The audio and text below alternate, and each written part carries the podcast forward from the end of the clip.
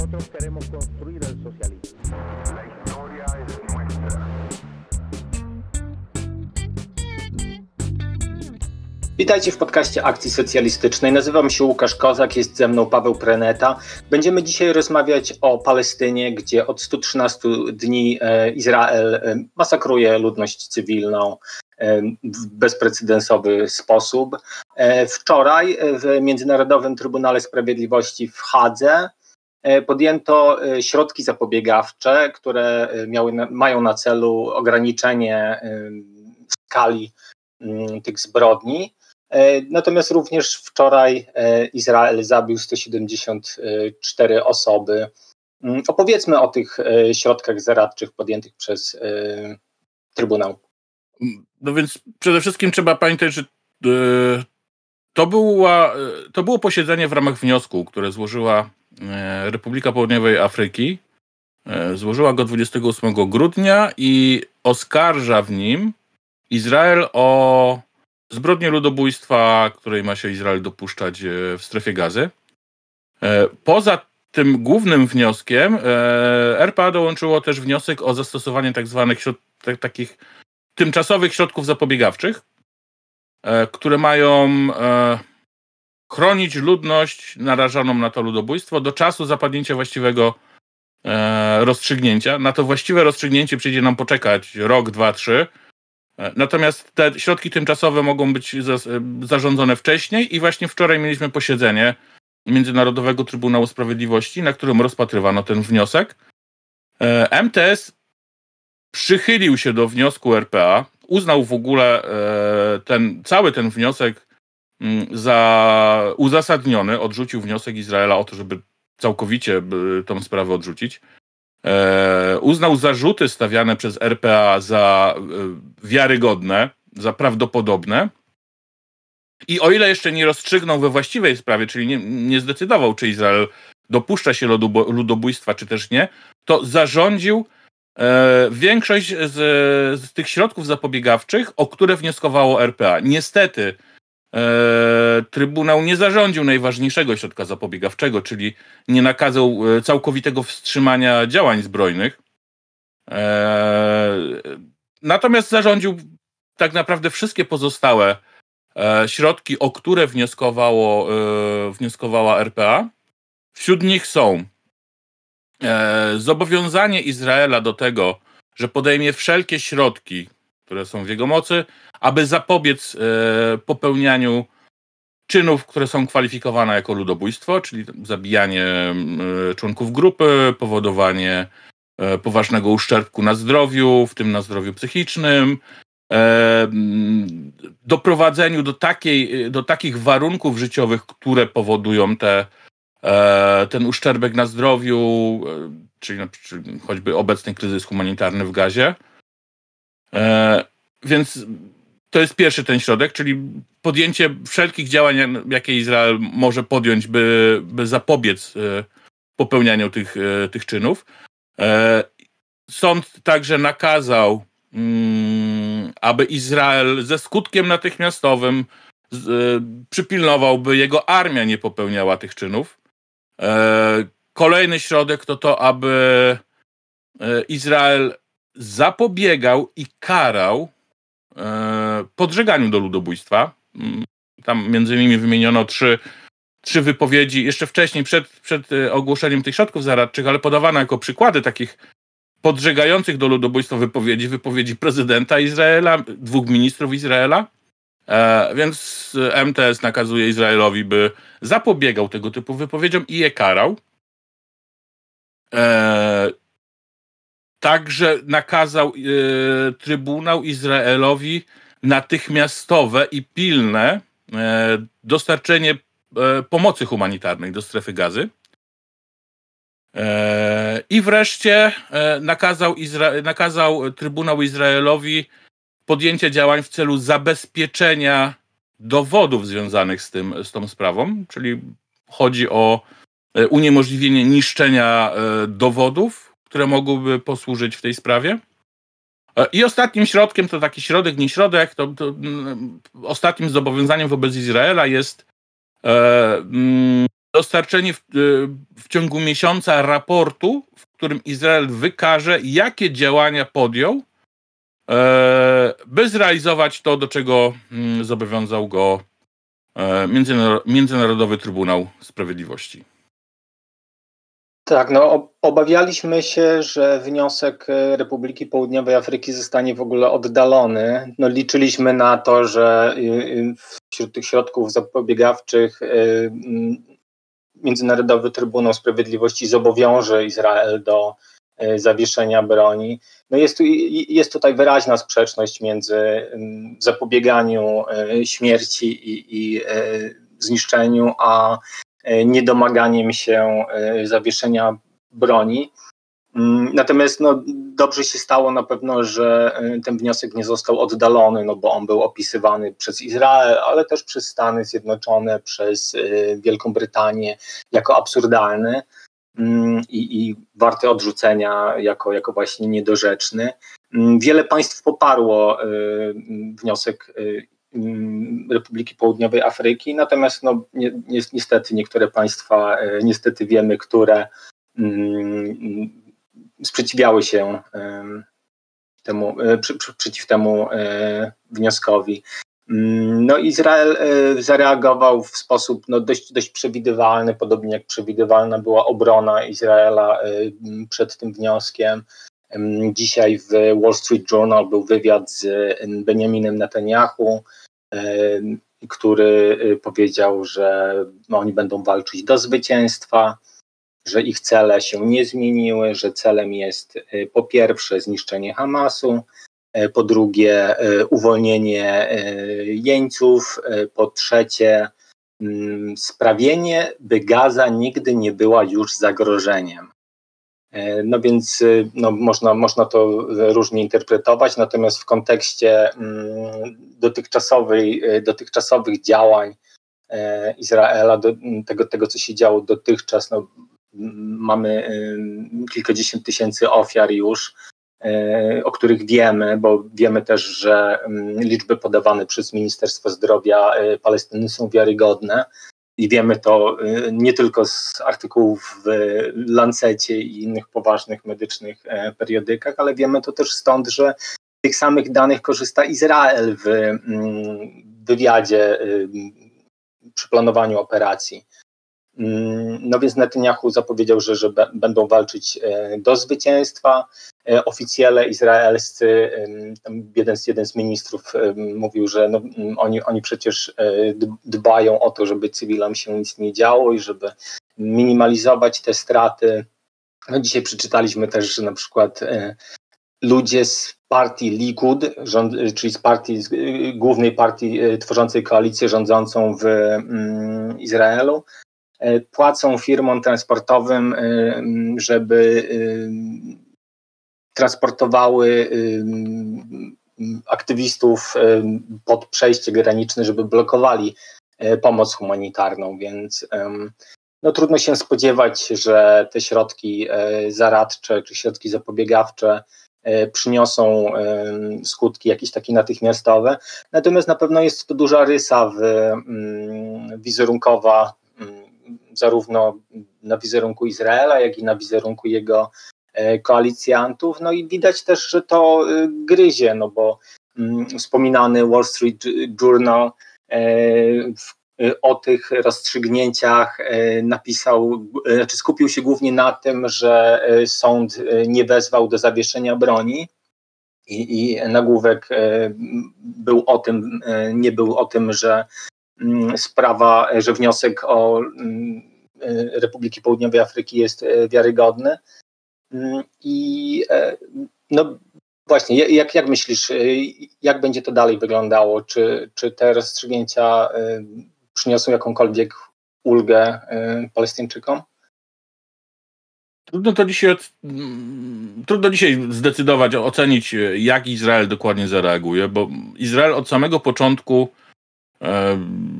deprecjonuje ten wniosek. No trudno żeby, trudno, żeby inaczej się do niego odnosił, jeżeli oskarża się w nim e, go o, o ludobójstwo.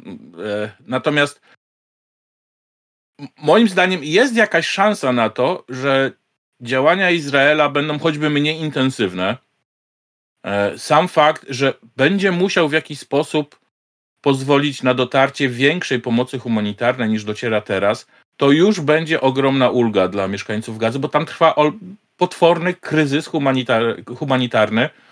Ludzie głodują, ludzie nie mają y, wody do picia, y, nie mają leków, system ochrony zdrowia w Gazie został zrujnowany. Nie ma szpitalu, który nie byłby atakowany przez, y, przez Izrael. Więc no, każda dodatkowa dawka pomocy humanitarnej to jest ileś ocalonych żyć Palestyńczyków. Więc jeśli choćby ten jeden środek zostanie choćby częściowo zrealizowany, to już jest to jakaś korzyść. No po prostu mówimy konkretnie o życiach ludzi, które, które zostaną uratowane. Yy, no, nie mam złudzeń co do tego, że, te, że Izrael zastosuje się do wszystkich tych środków zaradczych, szczególnie gdy dzień po wyroku Netanyahu mówi, że cele Izraela pozostały bez zmian. Głównym celem jest, ma być zniszczenie Hamasu, a jest to cel nie do zrealizowania. Po prostu nie da się zniszczyć takiej organizacji jak Hamas, szczególnie gdy w wyniku działań Izraela Hamas cieszy się niespotykaną w przeszłości popularnością wśród Palestyńczyków. Wskutek działań Izraela wybaczono Hamasowi wszystkie te grzechy, które, których się. Nikt już nie pamięta o zarzutach stawianych e, Hamasowi, i to nie, nie, nie są tylko zarzuty związane z 7 października, bo Palestyńczycy mają swoje własne zarzuty wobec Hamasu. Ale dzisiaj Hamas stał się symbolem walki z y, izraelską okupacją. I, I jego popularność jest olbrzymia i w samej strefie gazy, i na zachodnim brzegu. Nie da się dzisiaj zniszczyć Hamasu, więc jeżeli Izrael mówi, że e, jego celem nadal jest zniszczenie Hamasu, to tak naprawdę mówi, że chce prowadzić tą wojnę tak długo, jak się da. I jego celem jest zrównanie z ziemią e, gazy, by nie nadawała się do życia, co już teraz się dzieje. I strefa gazy w coraz mniejszym stopniu nadaje się do życia. E, Izrael niszczy tamtejsze źródła wody, Izrael niszczy tamtejsze pola uprawne. Już nie mówię o tym, że w tym momencie to chyba 60% budynków mieszkalnych w Gazie jest zrównanych z ziemią, albo zniszczonych, albo poważnie uszkodzonych.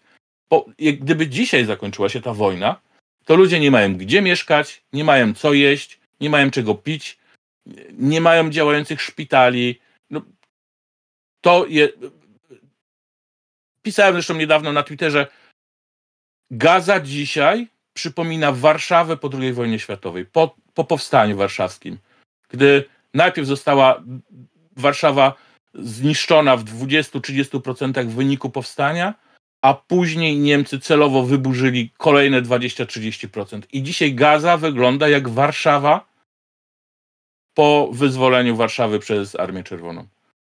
Mówimy o, o, o takiej sytuacji mówimy. Przy czym w Warszawie wtedy mm, mm, zamieszkało zaraz po wojnie jakieś 600 tysięcy ludzi, a w Gazie jest 2 miliony ludzi. Ci ludzie nie. To, to, to, to już teraz jest dramat, a będzie jeszcze większy dramat z każdym dniem tej wojny. I to jest prawdopodobnie główny cel Izraela. I nie, Izra... izraelscy, e, izraelscy politycy się z tym nie kryją. Co prawda nazywa, mówią o dobrowolnym, dobrowolnej migracji, ale to jest prawdopodobnie główny cel Izraela zmuszenie e, Palestyńczyków mieszkających w strefie gazy do jej opuszczenia. I to jest jedyny scenariusz, w którym faktycznie Gaza nie przeszkadzałaby Izraelowi. Jeśli nie zostanie tam ani jeden Palestyńczyk, to Izrael będzie mógł się czuć bezpiecznie, bo będzie miał terytorium, będzie mógł sobie okupować terytorium i nie będzie miał ludności okupowanej. E, ja obawiam się, że to jest główny, e, główny cel e, Izraela. To, są, to, to nie jest jakoś moja odkrywcza opinia. To, to, to jest wiele osób, które obserwuje ten, ten konflikt, tak to właśnie ocenia. A Izrael od samego początku mówi o, o migracji, o tym, że to, dlaczego przecież Palestyńczycy nie mogą się przenieść na, na Synaj, na, dlaczego państwa arabskie nie mogą go przyjąć. Była nawet taka kuriozalna akcja E, e, izraelskiej dyplomacji, której wyszukiwano kraje na świecie, które chciałyby przyjąć Palestyńczyków. Oczywiście żaden, żaden kraj nie, nie, nie chciał się na to zgodzić. No ale to, to, to po prostu pokazuje, jakie mogą być realne cele Izraela. Ale wracając jeszcze do tego, czy te środki zaradcze mogą jakoś wpłynąć na, na sytuację Palestyńczyków, to jest szansa, znaczy nie ma gwarancji, ale jest spora szansa, bo przede wszystkim pamiętajmy, Międzynarodowy Trybunał Sprawiedliwości orzekł, że istnieje uprawdopodobnione, oskar... E, jest prawdopodobne, że Izrael popełnia zbrodnię ludobójstwa. To samo to, to jest naprawdę bardzo poważna sytuacja. To znaczy, że w gazie dzieje się naprawdę źle i istnieje prawdopodobieństwo, że Izrael dopuszcza się ludobójstwa. To nie, niewiele państw zostało postawionych w takiej sytuacji.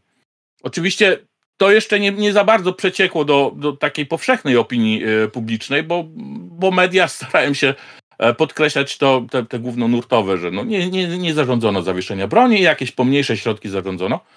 E, ale to, to, to jest ogromny mimo wszystko argument dla tych wszystkich, którzy protestują przeciwko temu, co robi Izrael i przeciwko wspieraniu Izraela przez państwa zachodnie. I to, to, to jest ten, e, ten obszar, na którym może dojść do istotnej zmiany, bo trudniej wspiera się państwo, które jest oskarżone i to nie przez jakiś tam mm, nie wiadomo jakich ludzi, których łatwo jest wiarygodność podważać, tylko przez Międzynarodowy Trybunał Sprawiedliwości, najwyższy, najwyższą instytucję sądową e, międzynarodową.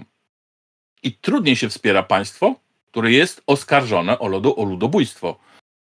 Może mieć to przełożenie na opinię publiczną w Stanach Zjednoczonych, w Wielkiej Brytanii, w Niemczech, w tych krajach, które dają parasol ochronny Izraelowi.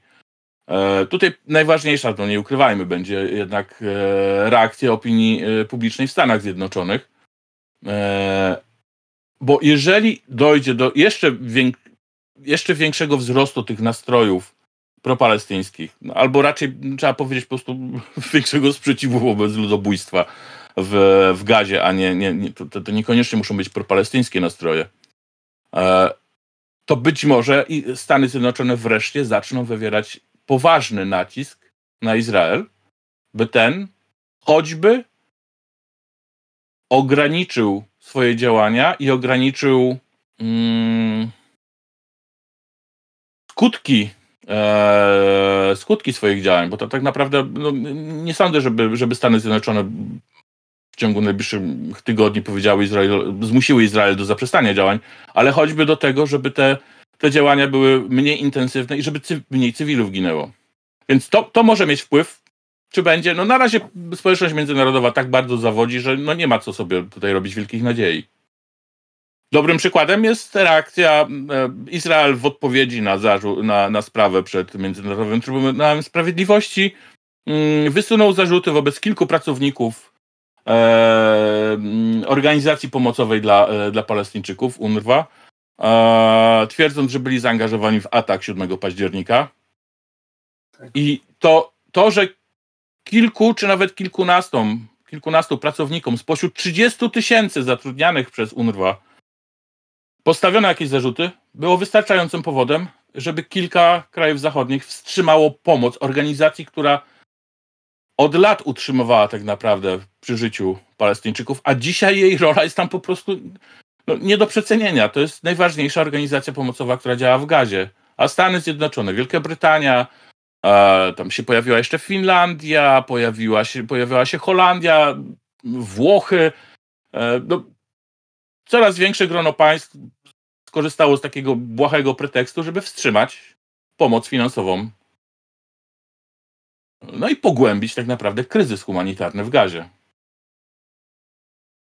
Tak, no ten podwójny standard jest widoczny na każdym kroku. Mówiłeś o gazie jako, e, że Gaza wygląda teraz jak Warszawa po wojnie i 7 no, października moje, moje pierwsze myśli były właśnie no, szukałem analogii i, i, i, myślałem wtedy o powstaniu w getcie, natomiast pierwsza rzecz, jaka y, obiegła media, to były informacje o masowych gwałtach, o 40 y, dzieciach z obciętymi głowami, i tego typu rzeczy, które no, później zostały zweryfikowane jako rzeczy, które się nie wydarzyły.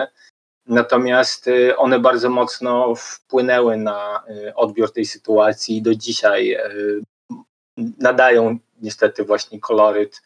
Mm, i Izrael mm, przed Międzynarodowym Trybunałem Sprawiedliwości używał tej obrony właśnie, że mm, oni się bronią, że, że to jemu się stało coś okropnego, coś, coś okropnego i w związku z tym wszelkie działania, jakie podejmuje są, są na miejscu.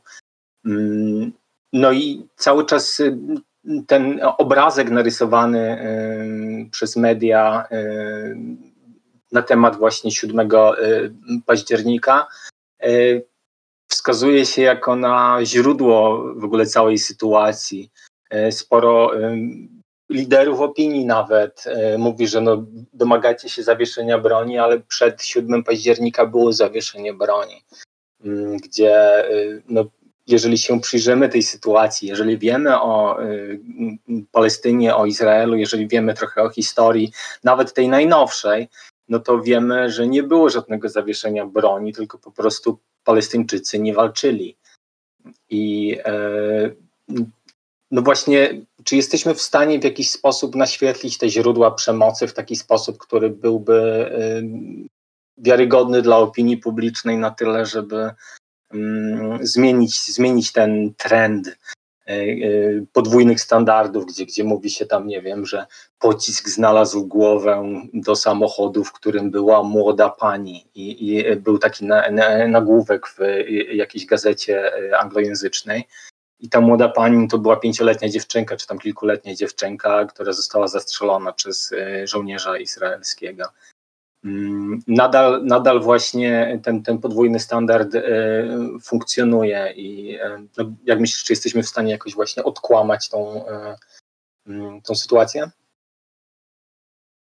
Nie sądzę, by to było możliwe w czasie, który cokolwiek by zmieniał, jeżeli chodzi o dzisiejszą sytuację w Palestynie, bo to jest przede wszystkim, to też widzimy gdy, gdy mówimy o, o, o izraelskiej narracji na temat 7 października, to jest typowo kolonialna narracja, w której przedstawia się ludność tubylczą jako tych dzikusów, żądnych krwi, niebezpiecznych. Mm, i, dlatego, I to nakłada się na wciąż powszechny rasizm i islamofobię w, w państwach zachodnich i trafia po prostu na podatny grunt, gdzie rysuje się Palestyńczyków jako tych niebezpiecznych. Ja pamiętam, to chyba e, prezydent Herzog, ale to, jest, to się pojawia w wielu wystąpieniach Izraelczyków. Izraelski prezydent Herzog pytał, czy wyobrażacie sobie, jak można mieszkać w sąsiedztwie terrorystów, mając na myśli Palestyńczyków. I nikomu nie przychodzi do głowy zadanie pytań, pytania Herzogowi, a czy, a jak wygląda, e, a jak można mieszkać, będąc Palestyńczykiem, w sąsiedztwie okupanta. I ta, ta narracja taka kolonialna, która przedstawia Izrael właśnie jako tego, kto się broni, e, a Palestyńczyków jako tych agresywnych, którzy stanowią zagrożenie dla Palestyny, jest tak powszechna. I to, to, to, to jest to, to nie jest tylko ostatnie 100 dni izraelskiej propagandy. To jest ostatnie 80 lat izraelskiej propagandy, E, która jest całkowicie dostosowana do właśnie potrzeb, e, może, może nie do potrzeb, do gustów zachodnioeuropejskich i, i amerykańskich odbiorców. Stąd na przykład takie częste wołania do, do Holokaustu, do nazizmu. To są rzeczy, które trafiają na grunt europejski. To, to nie są porównania, które na przykład przekonują w jakikolwiek sposób mieszkańców Afryki czy Azji, dla których te, te zdarzenia były, no, mają zupełnie inny, inny kontekst, inne znaczenie. E, natomiast dla Europejczyków mówienie o nazistach to już wiesz, no, ma istotne znaczenie, stawia, e, stawia pewną, e, wyznacza pewien poziom bestialstwa tego, o kim, o kim mówimy.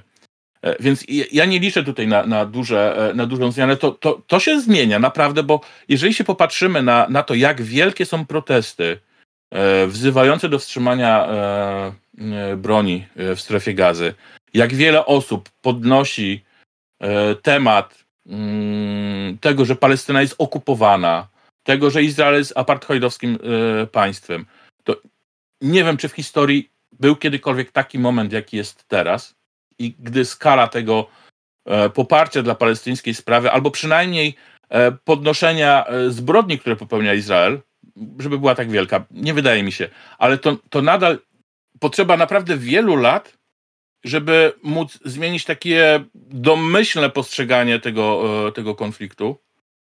E, bo Europejczycy, Europejczykom i Amerykanom łatwiej identyfikować się z Izraelczykami, którzy, no zresztą większość z nich to są przecież e, e, potomkowie Europejczyków i Amerykanów, a wielu z nich jest wprost w pierwszym pokoleniu Izraelczykami, dopiero co przybyli z Europy czy ze Stanów Zjednoczonych.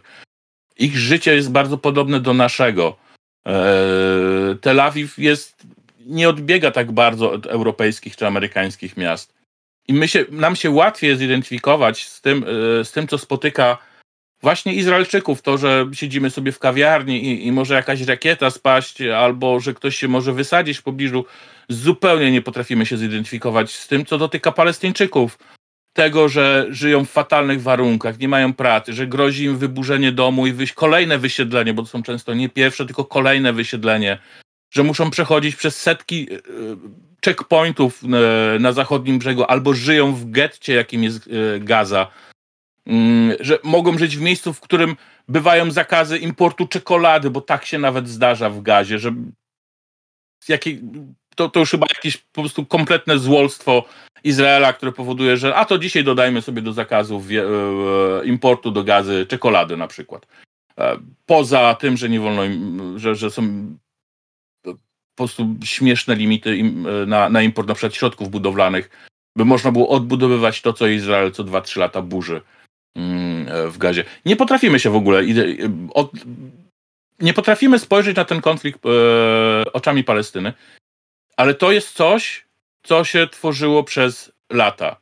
Raz, że to no Izrael po prostu jest europejską kolonią e, na Bliskim Wschodzie, więc łatwiej nam się, od początku było nam łatwiej się identyfikować z, Palesty- z Izraelczykami niż z Palestyńczykami. E, a później przez kolejne dziesiątki lat obserwowaliśmy ten konflikt z izraelskiej perspektywy. To tak jakbyśmy dzisiaj chcieli obserwować konflikt na, na Ukrainie e, oglądając iz, e, rosyjskie programy informacyjne. No tak patrzymy na konflikt w, w Palestynie. Patrzymy przez izraelskie oczy na to i z tego punktu widzenia faktycznie Izrael się musi martwić o, o to, co, co będzie z Palestyną, czy Palestyna będzie stanowiła dla niego zagrożenie, mimo tego, że Izrael okupuje tą Palestynę i to Izrael e, dopuszcza się tam dziesiątek zbrodni, nie wiem, czy są jakieś prawa międzynarodowe, których jeszcze Izrael nie złamał. To dobre, do, dobre zadanie, do, znaleźć takie prawo międzynarodowe, którego Izrael nie znalazł. Może no, ktoś to, się to, podejmie. To może być spore wyzwanie, bo, no, bo poza tym, co się teraz dzieje w Gazie, i to jest zupełnie niespotykany do tej pory poziom okrucieństwa, e, bo liczba ofiar trzech miesięcy w gazie, tych śmiertelnych, przekroczyła już liczbę ofiar choćby e, wojny e, z 1947-1949 roku, tych śmiertelnych, bo oczywiście później to skutkowało wypędzeniem e, 750 tysięcy Palestyńczyków. Te straty pewnie pro, w stosunku do ogólnej populacji wtedy były wyższe, ale tak w liczbach absolutnych to mówimy teraz o śmierci e, to już jest na pewno powyżej 35 tysięcy e, ofiar śmiertelnych, bo mówiłeś o tych danych e, gazańskiego Ministerstwa Zdrowia, które są wiarygodne, wszyscy uznają je za wiarygodne poza izraelskimi propagandystami, ale one są nie tylko wiarygodne, ale też bardzo zachowawcze. One podają tylko i wyłącznie te, e, zliczają tylko i wyłącznie te ofiary, które znaleziono, które zidentyfikowano dla, w większości z nich są znane ich imiona, nazwiska, numeru dokumentów, wiek. E, zlicza się też te, te ciała, które wprost znaleziono. Nie zlicza, e, te oficjalne dane nie uwzględniają osób, które, o których niemal na pewno wiadomo, że zginęły pod gruzami. Dopóki nie odnajdą zwłok, to ich nie zliczą. E, jest kilka organizacji takich pozarządowych, które podają takie bliższe realnym szacunki e, ofiar śmiertelnych i tu już jest mowa o jakichś 35 tysiącach ofiar śmiertelnych. E, więc to, to jest naprawdę olbrzymie. Ale wracając do, do tego, o czym chciałem powiedzieć, to to jest potworna zbrodnia, to co się dzieje teraz w Gazie, ale Izrael tych zbrodni na przestrzeni 80 lat popełnił no, naprawdę trudno znaleźć takiej, której nie popełnił. Były czystki etniczne. To czystka etniczna jest fundamentem państwa izraelskiego. Bez niej nie byłoby e, Izraela takim, e, jakim jest. Ale ta czystka nie zakończyła się w 1949 roku, tylko trwa nieustannie od 1949 roku do dziś. Każdego roku od kilkudziesięciu do kilku tysięcy osób jest pozbawianych domu, Palestyńczyków. E, ich domy są burzone, oni są, muszą się gdzieś przenieść, nie wiadomo gdzie, po to, by zrobić miejsce dla drogi tylko dla Żydów, albo dla e, kolejnej izraelskiej kolonii na zachodnim brzegu, e, albo po prostu, żeby, żeby ukarać kilku jakichś Palestyńczyków, którzy się w jakiś sposób narazili Izraelowi. Izrael regularnie na przykład wywozi Palestyńczyków z terenu Palestyny, co jest niezgodne z prawem międzynarodowym. Nie wolno wywozić E, osób z terenów okupowanych poza ten teren okupowany. Więc wszyscy ci, którzy są więzieni przez Izrael i wywożeni do izraelskich więzień na terenie Izraela, robi się to nielegalnie i tutaj choćby odległość, co bo ten, ten przepis ma. Te, intencją tego przepisu było to, żeby nie pozbawiać takiej osoby uwięzionej kontaktu z najbliższymi. Żeby te osoby najbliższe mogły odwiedzić, można było zapewnić pomoc.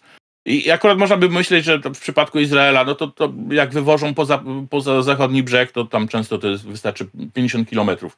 Ale akurat dla, dla Palestyńczyków te 50 kilometrów to jest bariera nie do przejścia, bo zachodni brzeg jest otoczony apartheidowskim murem separacyjnym.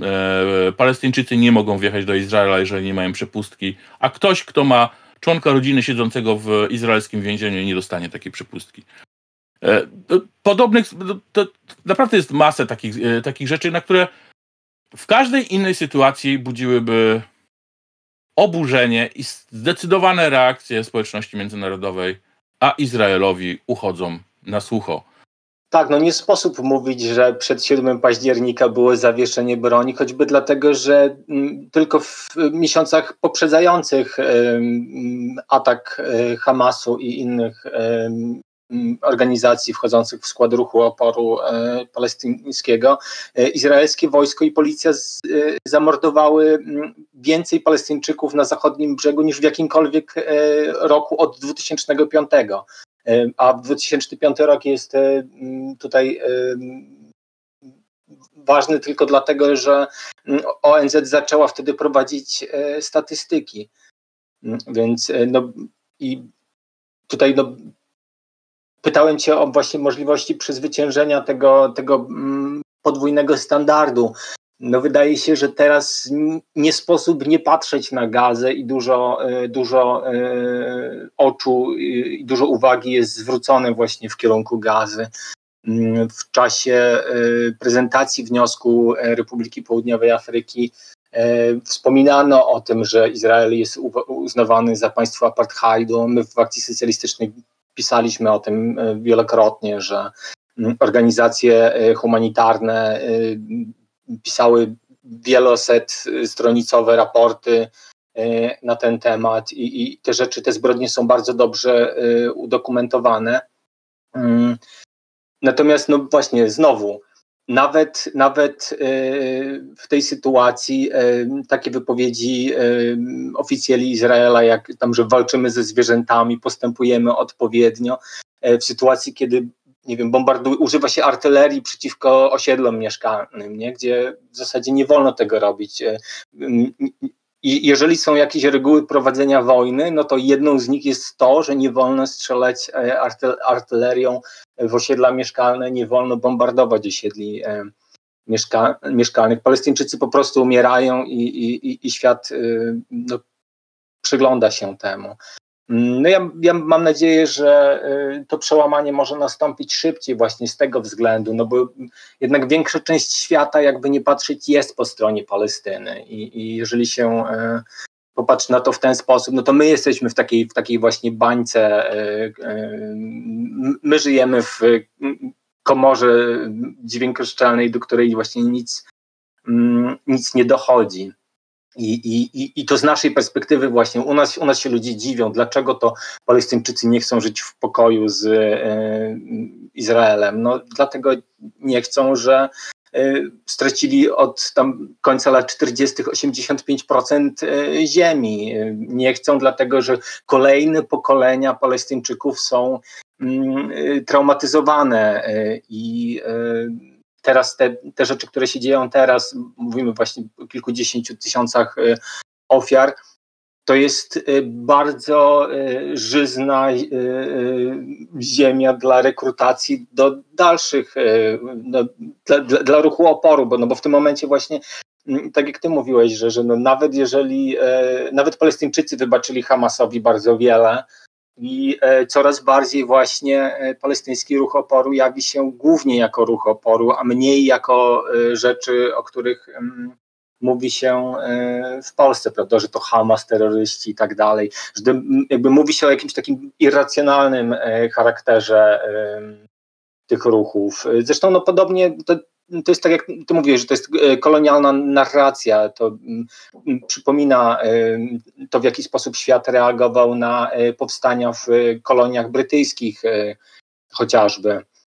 Mm, no, po naszej stronie e, świata, czyli na takim tak zwanym e, zachodzie, e, mówi się też o tym, no dlaczego Palestyńczycy nie protestują pokojowo, dlaczego, dlaczego walczą. No, to też nie jest tak, no bo mm, kilka lat temu, to był rok 2018, mm, Palestyńczycy podjęli próbę pokojowych protestów. To był tak zwany Wielki Marsz Powrotu. E, i e, pokojowo protestujących Palestyńczyków, którzy szli w kierunku muru, by pokazać się, pokazać się światu, zaprotestować. Zresztą z inspiracji e, też właśnie Zachodu, w sensie propalestyńskich osób i, i, i sił na Zachodzie. Mm, no i te protesty czym się skończyły? No, mm, tym, że y, Izrael wysłał snajperów, którzy strzelali do ludzi, zabili wiele osób, zranili bardzo wiele osób. Mm, więc y, no, to nie jest tak, że ta spirala przemocy zaczęła się 7 y, października i natomiast no, w, w, tym momencie mówiliśmy o tym, że Izrael nie zmienił celów swojej kampanii I to jest rzecz, której, której być może jest jakaś, jakaś szansa na e, przełamanie. No bo jak, jak ty mówiłeś, że e, zniszczenie Hamasu jest niemożliwe. Mm, więc no, jesteśmy w takiej sytuacji trochę jak w jakiej znalazły się, nie wiem, Stany Zjednoczone w mm, Wietnamie czy, czy Związek Radziecki w Afganistanie, że jedna strona dąży do zwycięstwa, prawda? Netanyahu mówi, że walczymy do zwycięstwa, natomiast druga strona y, wystarczy, że nie przegra, wystarczy, że walczy dalej. I mm, no z czasem ta y, koszty ludzkie, koszty takie materialne, ale też koszty moralne i polityczne będą rosły. I, i no być, może, być może jest to jakaś, mm, jakaś szansa dla, E, no dla świata tak naprawdę, no bo cały, cały region e, jest teraz e, mm, zdestabilizowany, to jest mało powiedzieć, prawda? Dzieją się bardzo złe rzeczy w regionie też. Mm, zachodnie państwa, jak Stany Zjednoczone czy, czy Wielka Brytania, E, bombardują e, teraz Jemen, który próbuje przeprowadzać e, blokadę mm, wyłącznie, trzeba zaznaczyć wyłącznie statków, które są izraelskie lub płyną do Izraela lub z Izraela. Mm, Izrael natomiast mówiłeś o tym, że prawdopodobnie zmniejszy się intensywność tych działań. No, być może się zmniejszy intensywność działań w gazie, natomiast y, no nie wiadomo, czy, czy, czy ten konflikt się nie rozleje, no bo w ostatnich godzinach mówi się dużo o tym, że mm, Izrael szykuje się do ataku na Liban. E, więc no, sytuacja jest, jest bardzo niestabilna. E, opinia publiczna w naszej części świata jest, jest bardzo niedoinformowana. W Polsce media ledwo się zająknęły o o rozprawie przed Międzynarodowym Trybunałem Sprawiedliwości, gdzie wydawałoby się, że to jest coś, coś bardzo, no, co, co powinno być bardzo poważnie mm, traktowane. No dzisiaj jest rocznica e, wyzwolenia Oświęcimia e, i, i no, wszyscy prawda, tam wspominają, mówią nigdy więcej. Mm, w ostatnich dniach Elon Musk był w Krakowie i mówił, że gdyby media społecznościowe były w czasie mm, II wojny światowej, to być może nie doszłoby mm, do zagłady. Tego typu, tego typu absurdów jest mnóstwo. Nadal e, mamy e, sporo e, Polaków, w tym, w tym też właśnie deklarujących się osób jako lewicowe, którzy no, widzą większy problem właśnie w Hamasie niż, niż w ludobójstwie, czy choćby w potencjalnym ludobójstwie. Mm, I no właśnie, no, co, co by się musiało wydarzyć, żeby żeby naprawdę doszło do tego przełamania. Jakie są perspektywy na pokój y, na Bliskim Wschodzie? Znaczy, no, najpierw trzeba byłoby sobie zadać pytanie, co rozumiemy przez przełamanie, bo, bo jeżeli przez przełamanie mamy na myśli to, co na, na dzisiaj jest najważniejsze, czyli wstrzymanie działań, wstrzymanie rzezi w gazie, no to tutaj troszeczkę niższe są wymagania. Natomiast jeżeli myślimy o trwałym pokoju na Bliskim Wschodzie, no to to już jest bardzo poważna sprawa i zostanę okrzyknięty ale dopóki istnieje Izrael w, takim, w takiej postaci, w jakiej istnieje dzisiaj, nie będzie trwałego pokoju na Bliskim Wschodzie. Bo e, dyplomacja, e, choćby europejska, ale to nie tylko, no, im dłużej trwa e, rzeź w gazie, tym częściej dyplomaci wracają do tematu rozwiązania pokojowego, dwupaństwowego, e, e uważając, że to jest coś, co zapewni, może zapewnić trwały pokój Mm, e, na Bliskim Wschodzie, ale to nie zapewni trwałego pokoju na Bliskim Wschodzie. Przede wszystkim za każdym razem, jak się myśli o rozwiązaniu dwupaństwowym, to już się myśli o perspektywie izraelskiej, czyli ma się na myśli to, że państwo palestyńskie będzie zdemilitaryzowane, ma nie stanowić zagrożenia dla Izraela. Pomija się to, że tak naprawdę to Izrael stanowi zagrożenie dla państwa palestyńskiego, nie odwrotnie. To Izrael okupuje państwo palestyńskie, nie odwrotnie. Ale Izrael, nawet jeżeli by się zgodził na rozwiązanie dwupaństwowe, chociaż Netanyahu mówi wprost, on się nie zgodzi na to i on ostatnie 30 lat robi wszystko, żeby do tego nie doszło, to widzimy, widać jego efekty.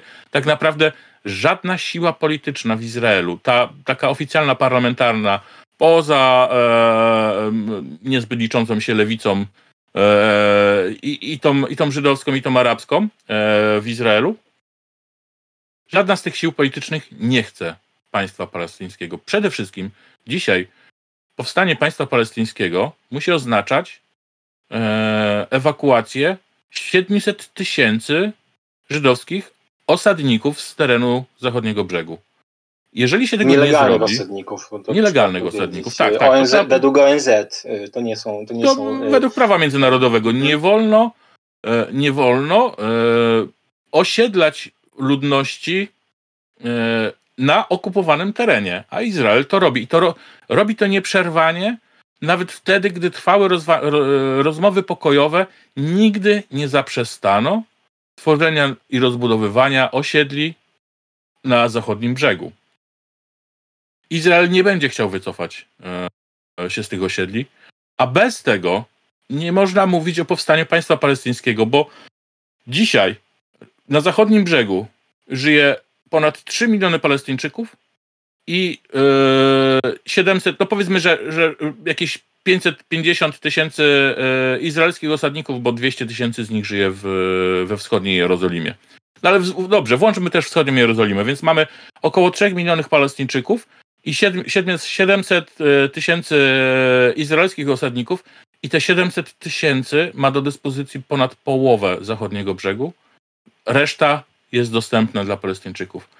Jeżeli by miało powstać państwo, które pozostawia te 700 tysięcy osadników i pozostawia im tereny, którymi teraz dysponują, to Palestyna nie będzie jednej Palestyny, to będą dziesiątki palestyńskich gett otoczonych jakimiś eksterytorialnymi drogami łączącymi izraelskie osiedla.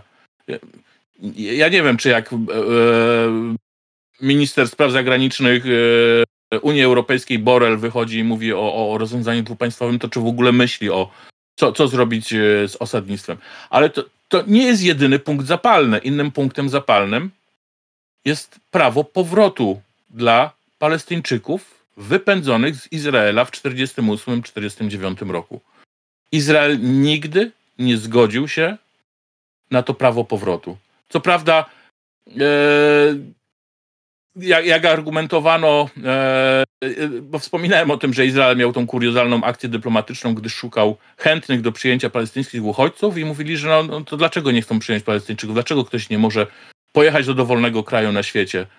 No tymczasem Palestyńczycy nie mogą pojechać do, do, do pewnego kraju na świecie, jakim jest Izrael, nie mogą wrócić do swoich domów. E, I Izrael nie chce rozmawiać już nawet nie tylko o fizycznym prawie powrotu, bo ono 80 lat po, po, po Nagbie przestaje być realne. Co prawda to Palestyńczycy niechętnie się z tym godzą, i, i, a palestyńscy przywódcy rzadko im to mówią, bo, bo to jest niepopularne. Takie fizyczne prawo powrotu jest już niemal nie, nie do zrealizowania bez wyrządzania kolejnych krzywd, no bo po prostu te, te, te ziemie, na których żyli Palestyńczycy już od 80 lat są w inny sposób wykorzystywane. Ale Izrael nie chce rozmawiać nawet o rekompensatach finansowych za te wysiedlenia, ponieważ musiałby przyznać, że ci ludzie zostali wypędzeni. Izrael wciąż stoi na stanowisku, że oni uciekli po prostu, bo ich, e, bo ich sąsiednie państwa arabskie do tego namówiły i, i, i to była zupełnie głupia decyzja. O, izraelscy liderzy w 1948 namawiali Palestyńczyków, żeby zostali na miejscu, ale oni nierozsądnie uciekli. Co prawda, zaraz jak tylko uciekli, to ci sami liderzy powiedzieli, że już nie możecie wrócić. Zabieramy waszą ziemię. E, uznajemy, tam było prawo, które się ładnie nazywało e, prawo o własności osób nieobecnych. E, więc to, to jest kolejny punkt zapalny, ale jest jeszcze jeden punkt zapalny. E, mianowicie to, że Izrael jest państwem żydowskim. I niechętnie się o tym mówi, bo to bo zaraz można być oskarżonym o, o, antysemityzm. Ale Izrael nie jest państwem takim jak, e, jak na przykład Polska. My w, w Konstytucji mamy wpisane, że Polska jest dobrem wspólnym wszystkim jego obywateli. E, e, większość krajów demokratycznych też dokładnie w ten sam sposób się określa. To, to różnie bywa sformułowane w tam ich konstytucjach czy, czy różnych prawach, ale ideą takiego liberalnego w zachodnim rozumieniu liberalnej demokracji jest to, że, ten, że kraj jest własnością twoich obywateli. Jak się mówi o narodzie polskim, niemieckim, francuskim, to, to, to, to przynajmniej z punktu widzenia prawnego nie jest to kategoria etniczna, że tylko i wyłącznie czystej krwi Polacy są Polakami. Nie. W myśl polskiej konstytucji Polakiem jest każdy, kto ma polskie obywatelstwo. Niemcem jest każdy, kto ma niemieckie obywatelstwo i tak dalej. Nie działa to tak w Izraelu. Izrael nie ma konstytucji, ma tak zwane tam prawa podstawowe, których jest kilka, ale powiedzmy zbierają się na coś w formie konstytucji. I raz, że w ogóle podobne zapisy istniały od zawsze, ale to jest zupełnie świeża sprawa, bo gdzieś w okolicy 2000. Mm, między 2010 a 2018, nie pamiętam dokładnie w którym roku, przyjęto takie prawo, które wprost mówi, że w, Izra w Izraelu tylko Żydzi mają prawa do realizacji swojego prawa do samostanowienia. Apartheid. Tak, to jest wprost zapisane apartheid. Zresztą Izrael od samego początku określa się jako państwo żydowskie i to nie tak, że to, są, że to jest państwo dla Żydów mieszkających w Izraelu, tylko państwo wszystkich Żydów na świecie. I teraz mamy państwo, w którym ktoś, kto odkryje w sobie żydowskie korzenie, a mieszka sobie dzisiaj pod Warszawą, może jutro stać się obywatelem Izraela i zamieszkać w dowolnym miejscu w Izraelu. Natomiast Palestyńczyk, który został wypędzony w 1948, nie może wrócić do Izraela. Ale nie tylko. Palestyńczyk, który mieszka w Izraelu, bo mimo Nagby y, na terenie Izraela zostało wtedy około 150 tysięcy Palestyńczyków. Dzisiaj jest ich mm, około 2 milionów. Oni wciąż tam żyją. Ale ci ludzie, którzy tam żyją z pokolenia na pokolenie, nie mogą się osiedlić dosłownie w dowolnym miejscu na terenie Izraela. Są miejsca, w których nie mogą się osiedlać.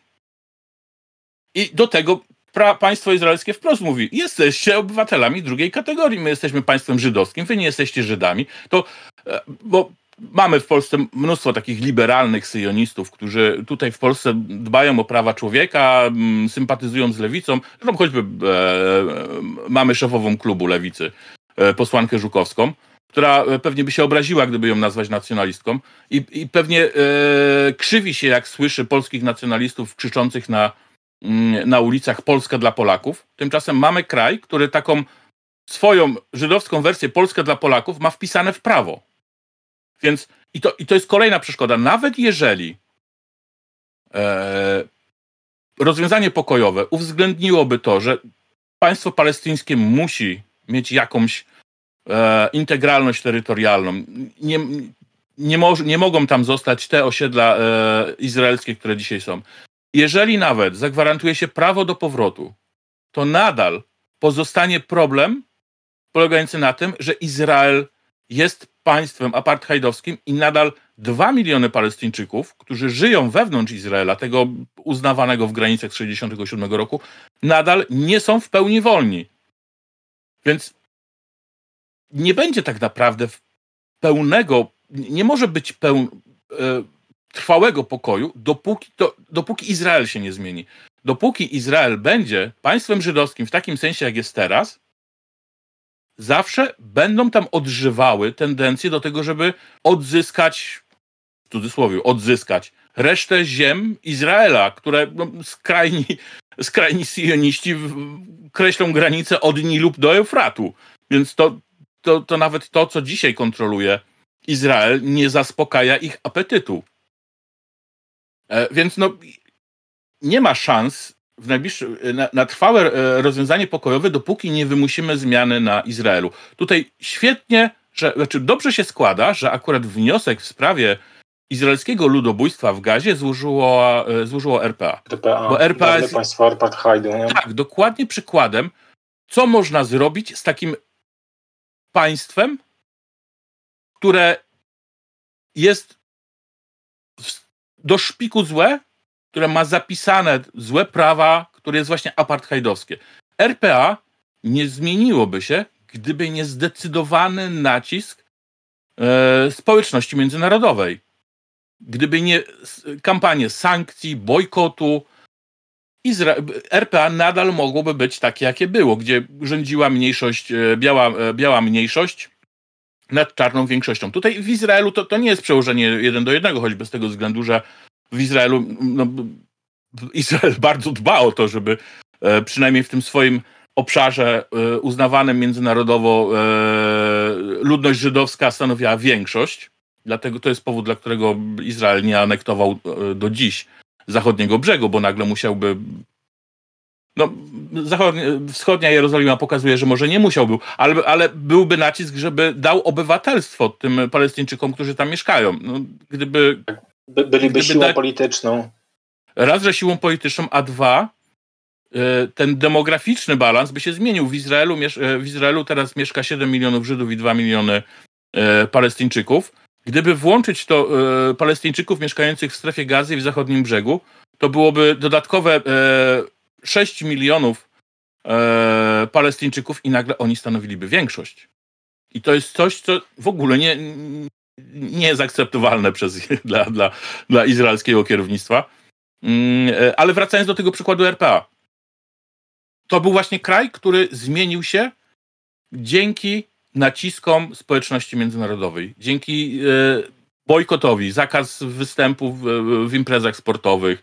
E, no, nie jeździło się turystycznie do, do RPA. RPA było pariasem świata. I to, i, ale to, to ma ogromne znaczenie, bo można sobie pomyśleć, a no co, co mi to da, że E, co, co nam to da, że, że, że będziemy wytykać palcami?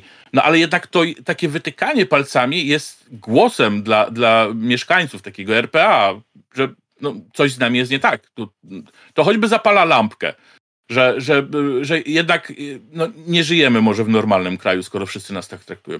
No, też warto pamiętać, że jak, jak, jak na RPA nakładano sankcje, to dzisiejsi sojusznicy Izraela, łącznie z Izraelem, byli ostatnimi, którzy do tych sankcji dołączyli, bo i e, reganowskie Stany Zjednoczone, Thatcherowski, e, Thatcherowska Wielka Brytania gdzieś dopiero w 1988 roku włączyły się w, w te sankcje, bo wcześniej dla nich ważniejsze było to, że RPA było dobrym sojusznikiem e, w obozie antykomunistycznym.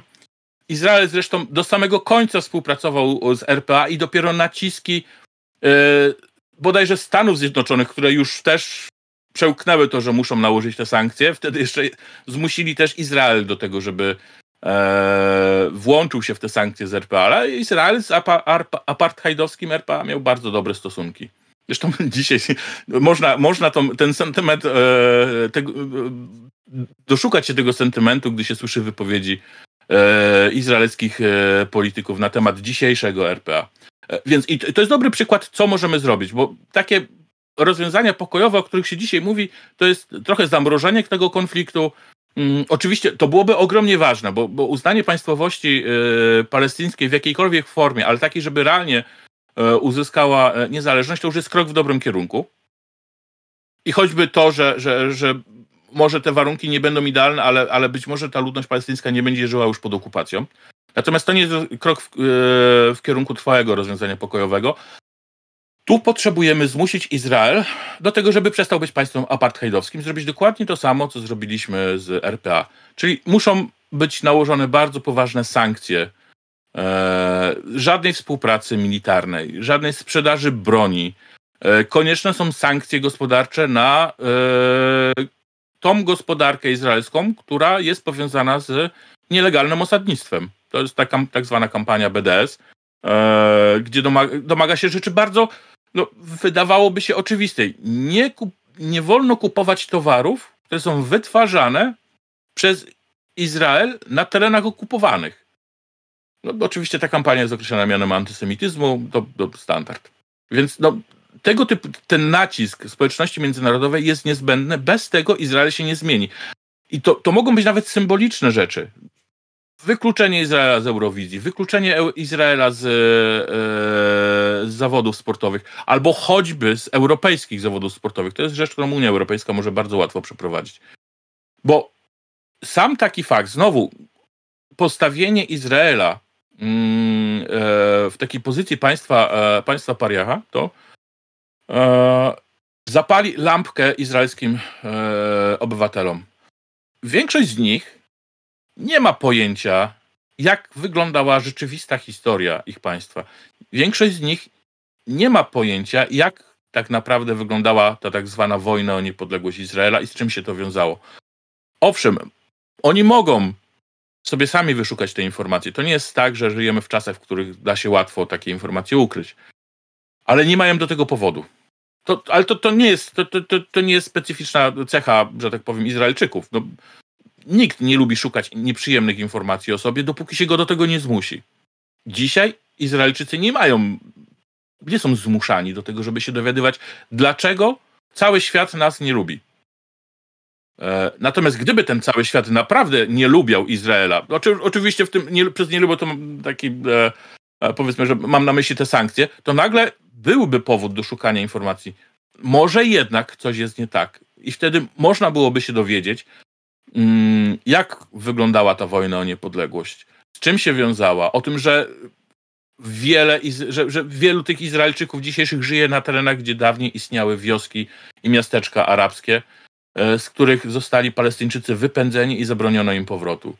E, no, że te ślady palestyńskiej obecności w Izraelu są po prostu celowo zacierane E, zresztą są izraelskie organizacje, które walczą o, o, przywrócenie tej pamięci i być może one też, dla nich na przykład takie, yy, taka postawa społeczności międzynarodowej byłaby istotnym wsparciem, no, pokazywałaby, że no słuchajcie, no, chcecie wiedzieć dlaczego, dlaczego jesteśmy obłożeni sankcjami, no to właśnie dlatego.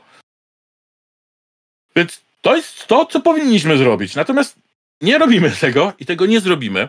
E, mówiłeś o tym, że no, my troszeczkę w, w, tym zachodnim świecie żyjemy w takiej bańce i się dziwimy, dlaczego e, e, i popieramy Izrael, natomiast ta, e, ta pozostała część świata, która to jest większa część świata, globalne południe, to jest przynajmniej jeżeli chodzi o, o stosunek ludnościowy, to jest tak jakieś 7 do 1. Zdecydowana większość. Tak. E, oni się łatwiej identyfikują z Palestyńczykami, oni wspierają sprawę palestyńską. Zresztą no choćby dlatego, że spora część te, e, mieszkańców globalnego południa sama ma historyczne doświadczenia kolonialne. E, warto pamiętać, że gdy ONZ w 1947 roku przyjmował rezolucję, która podzieliła Palestynę, haniebną rezolucję, która handlowała ziemią Palestyńczyków bez w ogóle zgody Palestyńczyków, ale warto pamiętać, że za tą rezolucją głosowały państwa, te, które dzisiaj uznajemy za zachodnie. Państwa kolonialne te, które stanowią dzisiaj globalne południe, w 1947 roku jeszcze nie było ich w ONZ. Więc Izrael jest kolonią zachodniego świata na Bliskim Wschodzie, ustanowioną przez ten zachodni świat. I to, i, i wiesz, jeszcze wracając do tego globalnego południa, i owszem, globalne południe popiera e, e, przynajmniej opinia, globalna, e, opinia publiczna globalnego południa popiera sprawę Palestyńczyków, bo już z państwami to różnie bywa, bo tutaj wchodzą w grę interesy mm, międzynarodowe i, i to nie zawsze tak jest, że E, że, że jakieś państwo z globalnego południa musi kon konkretnie popierać Palestynę, bo po prostu często jest tak, że albo mu się opłaca, albo sobie nie może pozwolić na stawanie po, po stronie Palestyny. Ale to jest tak, że nadal no, żyjemy w świecie, w którym te, ten Zachód tym, tym światem wciąż jeszcze e, steruje. Eee, to, to się kiedyś zmieni, ale to nie wiem, czy Palestyńczycy będą chcieli tak długo czekać, e, do, e, dopóki ta, ta, ta wajcha się nie przesunie i, i, i dominacja, e, dominacja państw zachodnich e, się skończy. Dopóki ona się nie skończy, to, to no musimy liczyć na to, że te państwa zachodnie e, zaczną wywierać wpływ na, na Izrael. Tutaj można byłoby liczyć na Unię Europejską, która której najłatwiej byłoby to podjąć, bo Unii Europejskiej zdarza się troszkę w polityce międzynarodowej kierować się takimi wartościami. zdarza się. Oczywiście to, to, to jest tam e, niedecydujące, ale w przeciw... Znaczy wiesz co, częściej się Unii Europejskiej to zdarza niż pojedynczym państwom. Pojedyncze państwa mają bardzo jasno zdefiniowane interesy. E, wiadomo, na, na przykład Francja musi sobie pilnować swojego e, postkolonialne, swoich postkolonialnych interesów w Afryce, E, więc na przykład taka Francja musi dbać o swoje interesy postkolonialne w, w, Afryce, a Unia Europejska już może na to troszeczkę inaczej patrzeć i głos Francji niekoniecznie musi tutaj przeważyć. Więc to nie jest tak, że mam złudzenia co do Unii Europejskiej, ale Unii Europejskiej zdarza się po prostu takie coś. I, a Unia Europejska ma yy, nie takie same jak Stany Zjednoczone, ale jest, u, umieściłbym ją na drugim miejscu na, na skali yy, aktorów e, polityki międzynarodowej, które mogą wpływać na Izrael. Choćby to, że e, Unia Europejska mogłaby wykluczyć Izrael ze, e, ze współpracy gospodarczej, bo Izrael należy do Unii Celnej e, choćby. E, I, I to jest poważne, to, poważna broń. Tylko, że no, Unia Europejska musiałaby chcieć. No, na razie nie chce, nie mamy już e, w Unii Europejskiej Wielkiej Brytanii, która zawsze e, stanowiła taki proizraelski e, ośrodek. Teraz sobie Niemcy postanowiły zająć to miejsce. Mm, I, i, I skoro już sami nie mogą popełnić żadnego ludobójstwa, to chociaż będą wspierały kogoś, kto takie ludobójstwo popełnia. A, więc no, nie ma na razie szans, ale to, to, to, to, się, może, to się może zmienić. To, to jest coś, co, co my powiedzmy naj, nam, mieszkańcom Polski, najłatwiej jest wpływ, wpływać. No oczywiście, że to tak pojedynczo to nie bardzo, ale powiedzmy, że jeżeli byśmy chcieli jakoś wpłynąć na, na, na, na, sytuację w Palestyńczyków, to my możemy wpływać na polski rząd, by ten wpływał na, e, na Unię Europejską, by ta wpływała na, na Izrael. To jest takie powiedzmy nie brzmi to zachęcająco. No nie brzmi to zachęcająco, ale wiesz, no to no, mówimy, jeżeli chcemy rozmawiać o tym, jakie są realia, to tak one wyglądają. No, to, co z punktu widzenia Europejczyków, e, e, na, na, na, co Europejczycy powinni patrzeć, to na to, że Unia Europejska mogłaby w znaczący sposób wpłynąć na Izrael. Pewnie nie byłby to wystarczający wpływ bez e, zmiany e, stanowiska Stanów Zjednoczonych, ale byłby to istotny wpływ. Jeszcze wiesz co, chciałem wrócić do czegoś, o czym wcześniej mówiłeś, o tych pokojowych protestach i o tym, że to się nie zaczęło 7 e, października. Bo znamienne jest to, że w zachodniej prasie w ogóle się nie pojawia nazwa operacji, którą był ten atak 7 października. On się nazywa e, Potop Powódź Al-Aqsa. E, tak sobie Hamas nazwał tą operację i tak zresztą się nazywa całą tą operację e, od tamtej pory, czyli tą te, wtedy to był atak na izraelskie cele, a teraz obrona przed, e, przed, przed odpowiedzią Izraela. Powódź Al-Aqsa. I to, to ma ogromne znaczenie, bo po prostu nie interesuje nas, jak, się to, jak, jak ktoś to nazwał, a ta nazwa mówi skąd się wziął ten atak. ten atak wziął się z serii izraelskich prowokacji wobec meczetu Al-Aqsa w Jerozolimie. Tam regularnie wpadały, e, wpadała izraelska policja, e, aresztowała e, modlących się e, Palestyńczyków, pałowała ich, mm, nieustannie organizowała jakieś prowokacje w, w okolicy tego, e, tego meczetu. I do tego wszystkiego, to co mówiłeś, rok 2023 był najkrwawszym od bodajże 2008 roku. Już nie pamiętam teraz, ale był jeden, naprawdę to już był jeden z najkrwawszych roków w historii izraelskiej okupacji. I, na, i, w, i ten kontekst jest ważny, bo to, ten atak nie wziął się znikąd, to że sobie tak, o, pomyślano, a to sobie dzisiaj zaatakujemy, e, zaatakujemy Izrael. Był odpowiedzią na to, co E, robił Izrael. Tutaj oczywiście Hamas, e, gdyby, gdyby się Hamas nie dopuścił tych zbrodni, których się dopuścił w trakcie tego ataku, Palestyńczycy mieliby naprawdę to celebrować, bo tam zaatakowano cele militarne. E, zresztą wśród ofiar, o których się mówi, zawsze się, zawsze się podaje tylko łączną liczbę ofiar izraelskich, nigdy się nie, nie rozróżnia, ile z nich to cywile, ile wojskowi, bo tam 450 to byli wojskowi i policjanci. 700 osób to były osoby cywilne, z których nie wiadomo ile jeszcze do tego E, zginęło wskutek izraelskich działań. No właśnie bo, tutaj warto o tym iz... powiedzieć, nie? że znaczy, Izrael znaczy, wysłał helikoptery, które ostrzelały e, jednocześnie cywilów i e, bojowników Hamasu.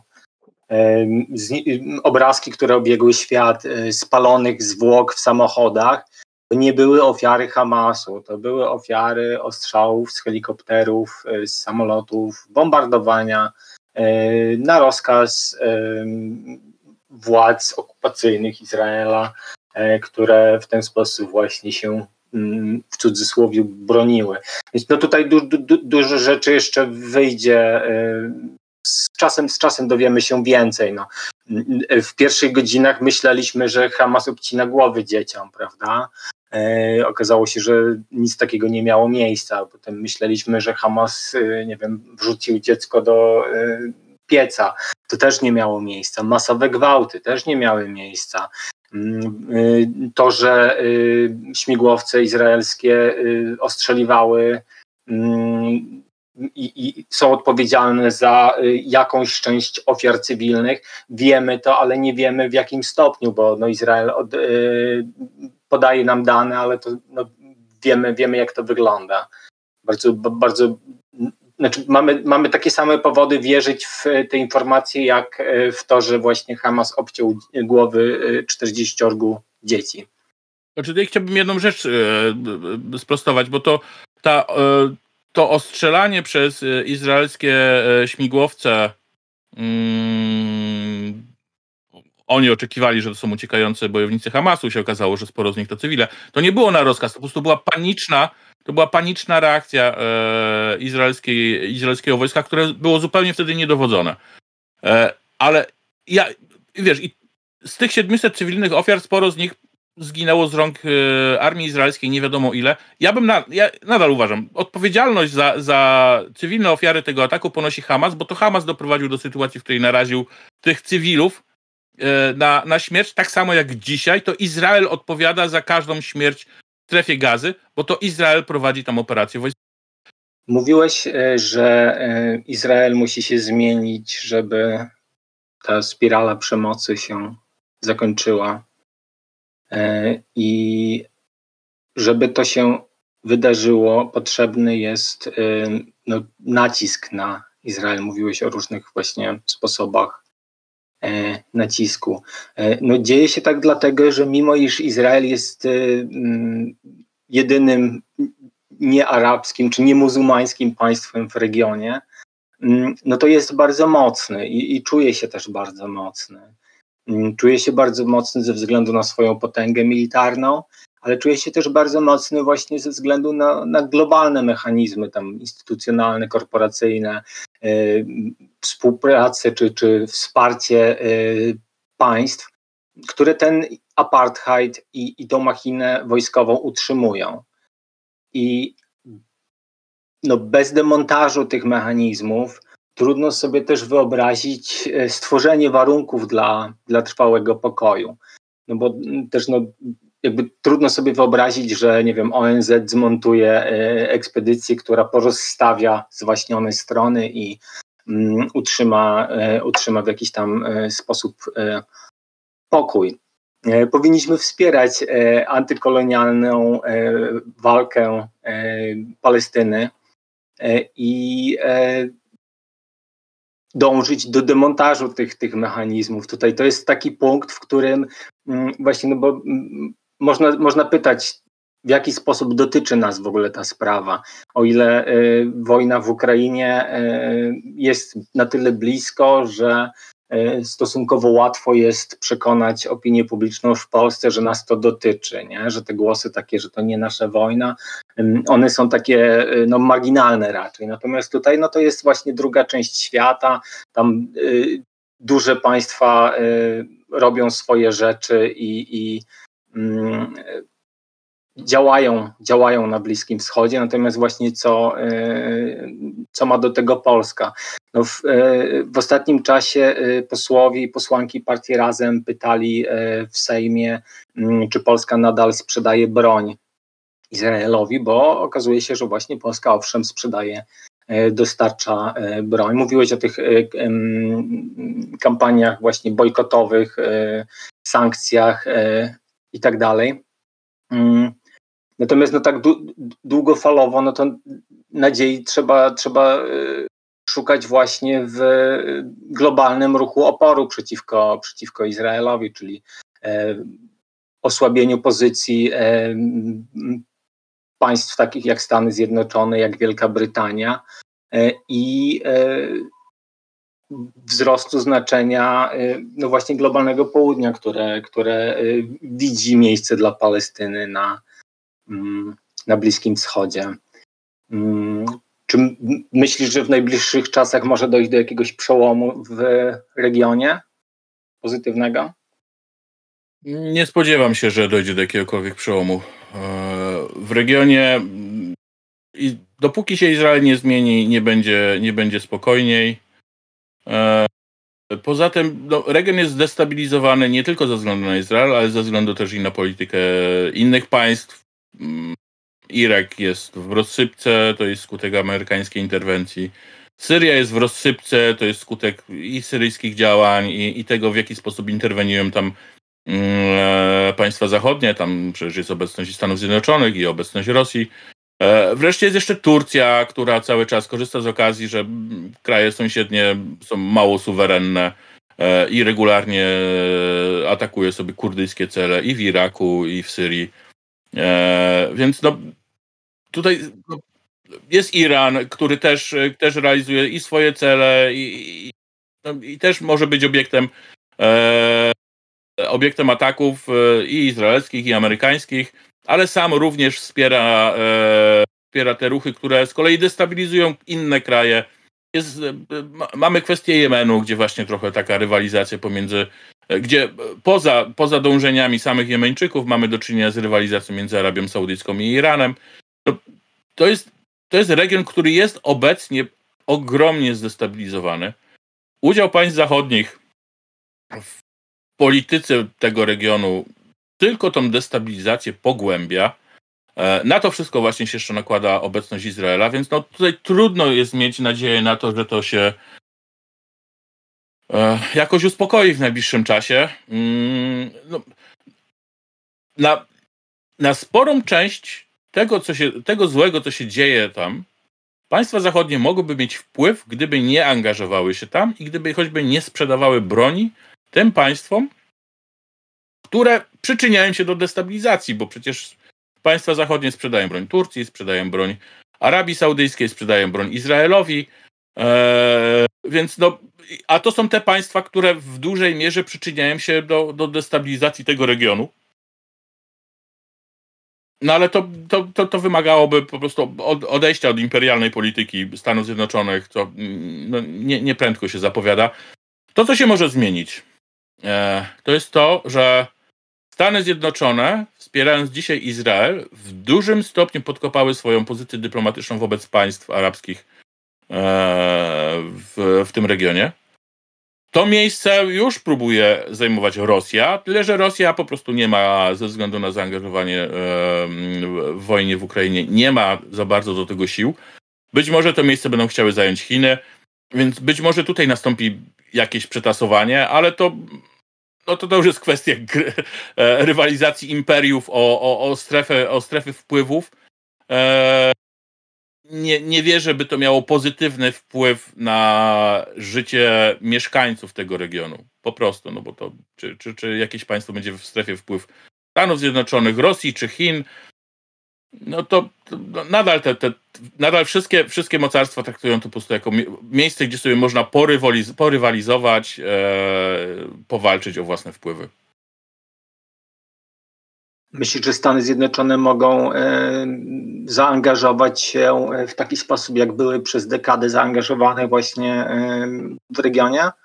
No na razie Stany Zjednoczone się nie wycofują, tyle że e, obniża się, e, obniża się ich wpływ na, na, państwa, e, na państwa tego regionu, bo e, to, to nawet nie chodzi o, o, o to, że nie wiem, na poziomie takim, na poziomie geopolityki ich interesy nagle stają się bardzo rozbieżne, to jednak te państwa, które, e, takie jak, nie wiem, Egipt, Jordania, Arabia Saudyjska, e, nawet jeżeli nie są demokratyczne, muszą w jakimś stopniu brać pod uwagę opinię publiczną swoich mieszkańców. Ta opinia publiczna dzisiaj jednoznacznie stoi po stronie Palestyńczyków i trudno takim państwom jest pozostać przy takim samym poziomie relacji ze Stanami Zjednoczonymi, jeżeli te Stany Zjednoczone wspierają ludobójcze działania Izraela wobec Palestyńczyków.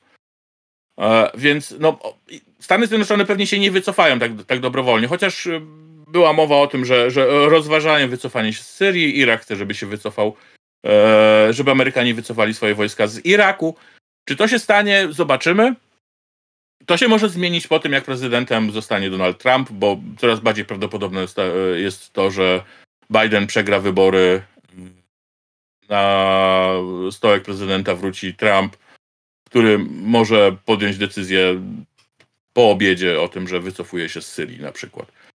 E, albo że zwiększa zaangażowanie, bo tego nie wiemy. No właśnie nie będzie, będzie, będzie spora niepewność. No zobaczymy. No nie ma na razie perspektyw na, na to, żeby, żeby sytuacja się tam uspokoiła. Tak, no nie, mamy optymistycznych wniosków. E, na pewno będą okazje do tego, żeby porozmawiać jeszcze o Palestynie, o e, sytuacji w regionie.